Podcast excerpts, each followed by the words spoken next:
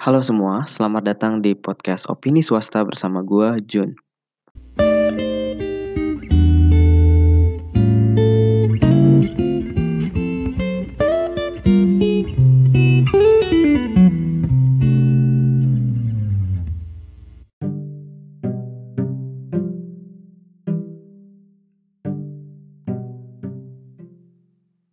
Di episode kali ini gue pengen ngobrolin tentang gimana sih cara survive di kuliah. Hmm, by the way, kalau kalian nggak tahu, gue itu mahasiswa tingkat akhir di jurusan manajemen di suatu universitas di Indonesia ya. Uh, sebagai swasta, anak tingkat akhir, gue ngeliat banyak orang yang mungkin kesulitan ya untuk survive. Kebanyakan ada tingkat, maksudnya yang ada di bawah gue um, most of them itu kayak sering ngelontarin pertanyaan, kenapa sih gue harus kuliah di tempat yang kayak gini, yang penat, yang ngebosenin, dan bahkan susah banget pelajarannya. Ada juga yang kadang ngeluhnya itu, apaan sih yang gue pelajari, kayak UKT gue nggak worth it banget di sini, gara-gara cuma dia nggak ngerti apa-apa yang diajarin kayak gitu. Kayak banyak banget lah penyebab sampai orang-orang yang merasa struggle di kuliah itu nyoba untuk nyari pelampiasan gitu. Berangkat dari permasalahan yang kayak gini, gue sebagai swasta pengen sharing nih beberapa hal yang bisa ngebantu teman-teman yang mungkin agak kesulitan. Gue bikin podcast ini sebenarnya khusus untuk uh, jurusan manajemen karena gue nggak yakin beberapa tips ini bisa applicable juga di jurusan lain karena kan beda banget ya. Dan juga to be more specific, gue bakal ngomongin jurusan manajemen yang ada di universitas gue sendiri. Jadi ya kalau tips manajemen yang gak relatable ya karena memang kayak gitu di universitas gue. Emang agak beda dikit. Oke langsung aja kita masuk ke tips yang pertama. Tips yang pertama itu be active Ya mungkin gue tahu ya ini udah umum banget. Tapi yang gue maksud aktif adalah kita itu selalu nyari tahu nih kira-kira kita mau ngapain aja sih selama di kuliah. Apakah cuma masuk kuliah aja sebagai orang yang fokus akademik atau mau juga organisasi gitu. Jadi kita harus tahu dulu nih kita maunya ngapain. Oleh karena itu setelah kita tahu nih mau ngapain entah mau fokus akademik aja ataupun fokus yang selain akademik itu bebas. Yang penting kalian mencoba untuk mencari hal tersebut, informasi akan hal tersebut. Kayak contoh, kalian pengen jago nih di kalkulus, tapi kalian nggak tahu apa-apa, ya jawabannya ya tinggal dicari gitu. Entah kalian cari resource, entah kalian mencoba bertanya kepada orang yang lebih berpengalaman atau bagaimana terserah. Yang penting kalian tahu nih tujuan kalian saat mencari tahu ke arah mana. Jangan sampai kalian udah mencari tahu, udah tahu terus kak pas ditanya mau ngapain dan kalian nggak bisa jawab, itu bahaya banget. Jadi mending take a step back sebelum maju, pikirin, barulah be aktif untuk nyari hal yang kalian pengenin itu. Jadi dengan kayak gitu, at least kalian bisa dengan fokus mencapai suatu tujuan dan kalian udah punya apa ya istilahnya kayak bahan bakar untuk menuju tujuan itu. Jadi kalian driven by something inside yourself kayak gitu. Bukan kayak wih saya dapat achievement nih. Wah ya udah lanjutin di kuliah. Atau enggak wih gua bisa conference di sini nih. Ya udah gue lanjutin. Ya gitu boleh. Tapi lebih baik lagi kalau kalian punya sesuatu yang emang dari awal kalian punya untuk ngebakar diri kalian. Untuk mendriven diri, diri kalian mencapai tujuan yang kalian inginkan. Itu penting banget. Kayak misal waktu itu gua waktu jadi mahasiswa tingkat pertama atau mahasiswa baru lah ya, yang nggak tahu apa-apa. Uh, gua terdriven oleh ini koneksi. Jadi bagi gua yang gue cari di kuliah pada saat itu adalah koneksi. Awalnya emang gue struggle banget sih di dunia perkuliahan awal-awal karena ya gue dari SMA gue sendirian coy dan gue nggak punya alumni nggak punya siapa pun yang gue bisa tanyain tentang sesuatu. Ya gue punya sih temen. Tapi bukan temen yang dari satu sekolah dan akrab banget. Dia teman masa kecil gue tapi dia cutting. Jadi satu-satunya apa ya kompas yang gue punya cuma dia. Gue nanya kayak universitas gue kayak gimana? Dan gimana kehidupannya? Cuma sama dia. Tapi habis itu ya gue lost gue sendiri. Oleh karena itu gue pas merasa kesusahan di ITB gue ingat lagi bahwa tujuan gue ke sini sebenarnya koneksi di mana gue bisa mendapatkan koneksi untuk ngomongin banyak hal untuk mencapai banyak hal yang gue pengen dan juga stay update terhadap isu-isu dan rumor-rumor yang memang sedang panas di sekitar kampus gua dan Indonesia gitu. Lalu yang kedua, karena kampus gua adalah kampus yang tergolong banyak event, mungkin anak-anak lain bisa niru kayak use every event as batu loncatan. Maksudnya gimana? Jadi di situ event yang ada kalian bisa pakai sebagai ajang untuk menguji kira-kira kalian bisa seberapa hebat gitu ngelaluin event yang ada karena tiap event itu pasti punya kesulitan masing-masing. Setiap event pasti punya barrier masing-masing nih untuk ngeberhasilin si event. Event itu nggak mesti pesta, nggak mesti festival ataupun acara gede, enggak. Event itu kayak misalnya ada workshop tentang apa atau atau enggak kalian itu ada kayak speed dating sama investor mengenai proyek kalian. Ya kalian pakai event yang ada tadi untuk nyalurin kira-kira kalian itu udah pada pet away yang tepat belum? Apakah semangat kalian itu masih ada atau udah pudar? Kayak misalnya gue waktu itu make salah satu seminar yang ada di kampus gue sebagai ajang untuk bertanya lebih dalam tentang hal yang gue pengen tahu nih pada saat itu adalah investasi.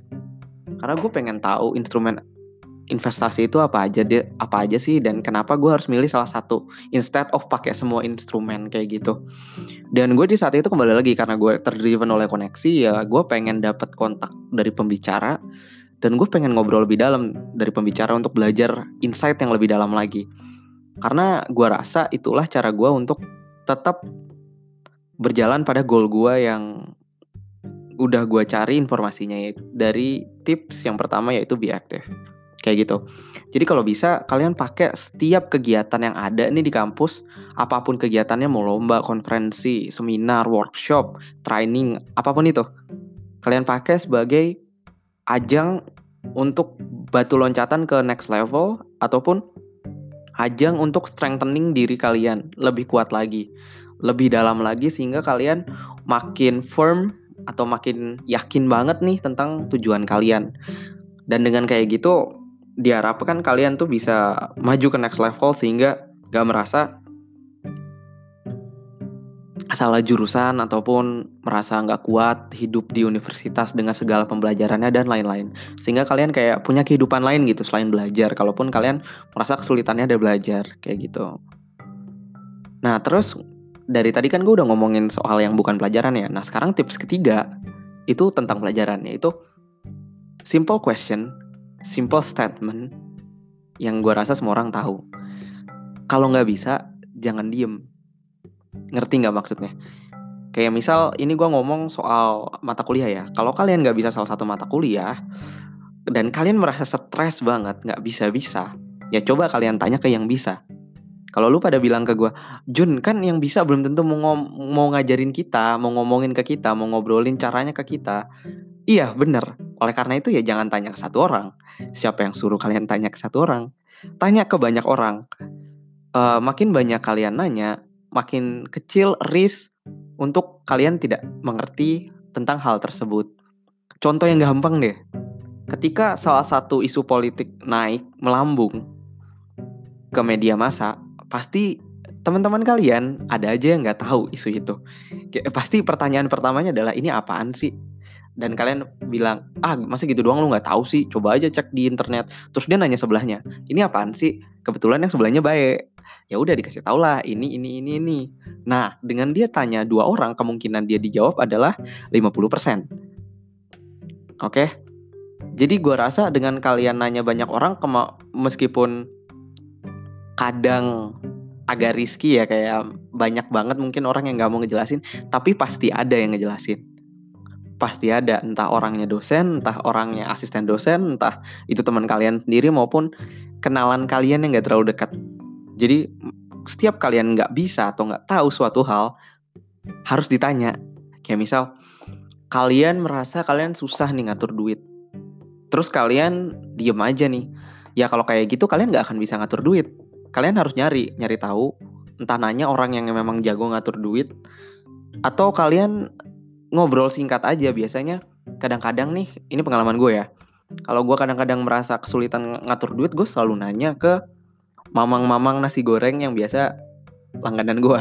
Gue nanya, Kang kalau misalnya kayak gini-gini akang biasanya ngapain sih kayak mungkin gini apa gitu ya biasanya dijawab sama kang nasi goreng kadang-kadang gue juga punya beberapa langganan kayak langganan sate langganan ayam geprek gue kadang-kadang ajak ngobrol singkat aja untuk dapat insight kenapa sih mereka ngelakuin itu nah dengan kayak gitu gue bisa dapat nih kira-kira step selanjutnya secara finansial gue harus ngapain nih biar bisa muter duitnya lebih efisien lagi kayak gitu jadi kadang-kadang orang yang nggak terduga lah yang biasanya ngasih tahu hal-hal yang kita nggak bisa.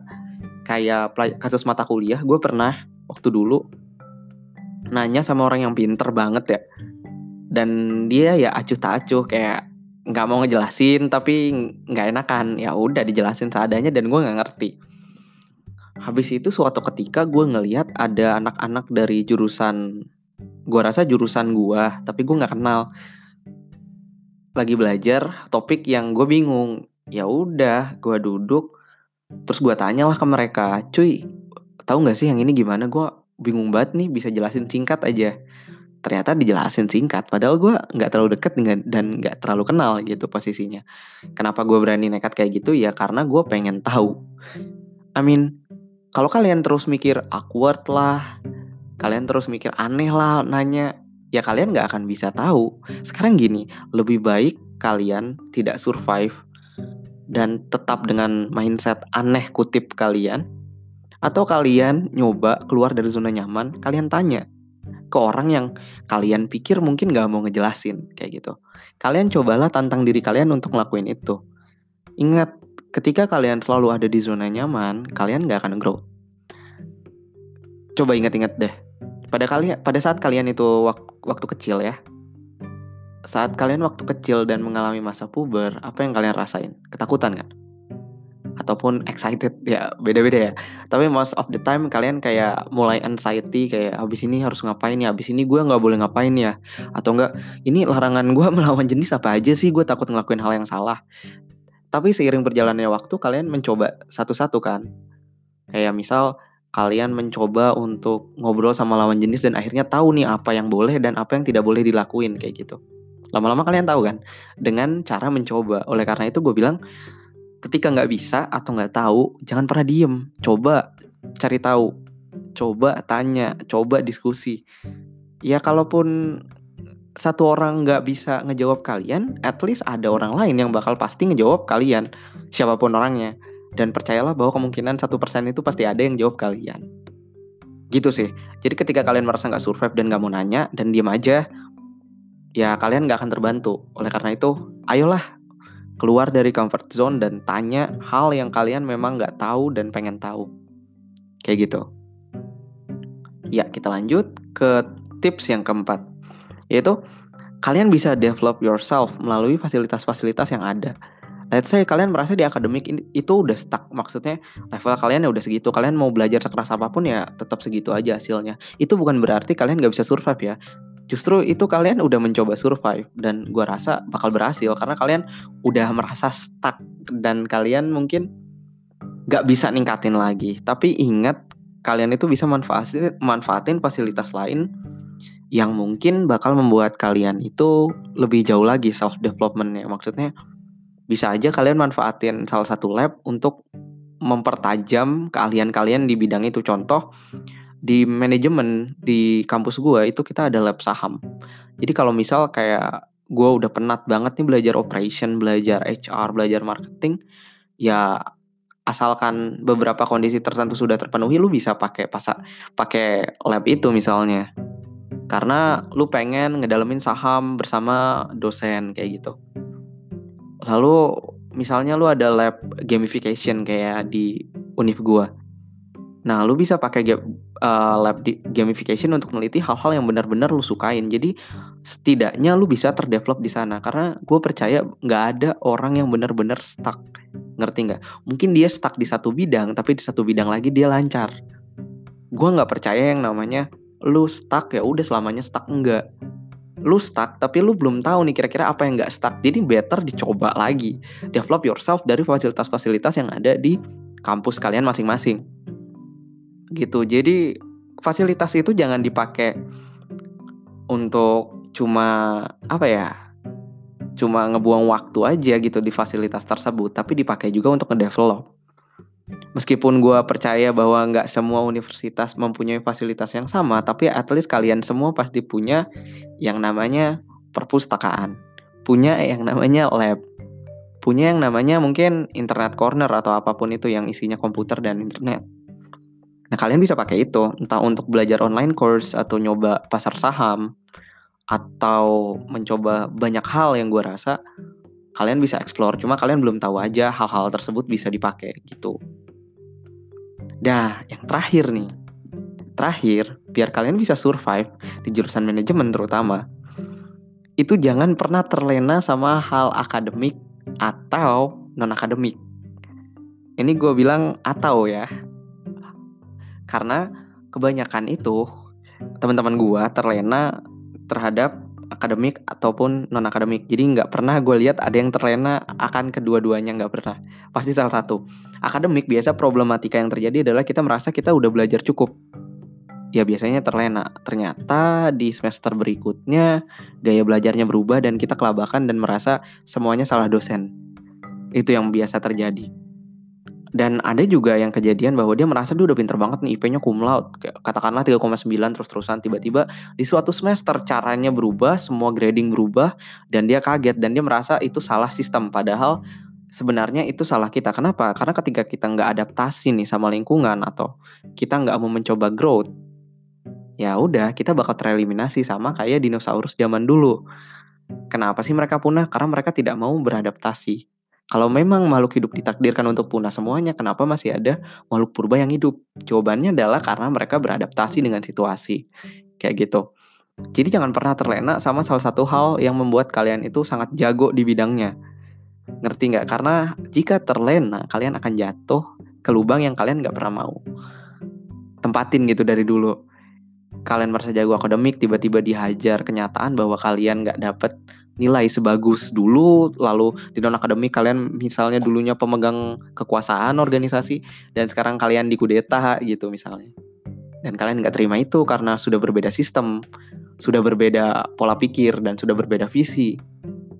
Oleh karena itu jangan sampai terlena oleh glamournya posisi kalian. Jangan pernah terlena sama seberapa pintar diri kalian.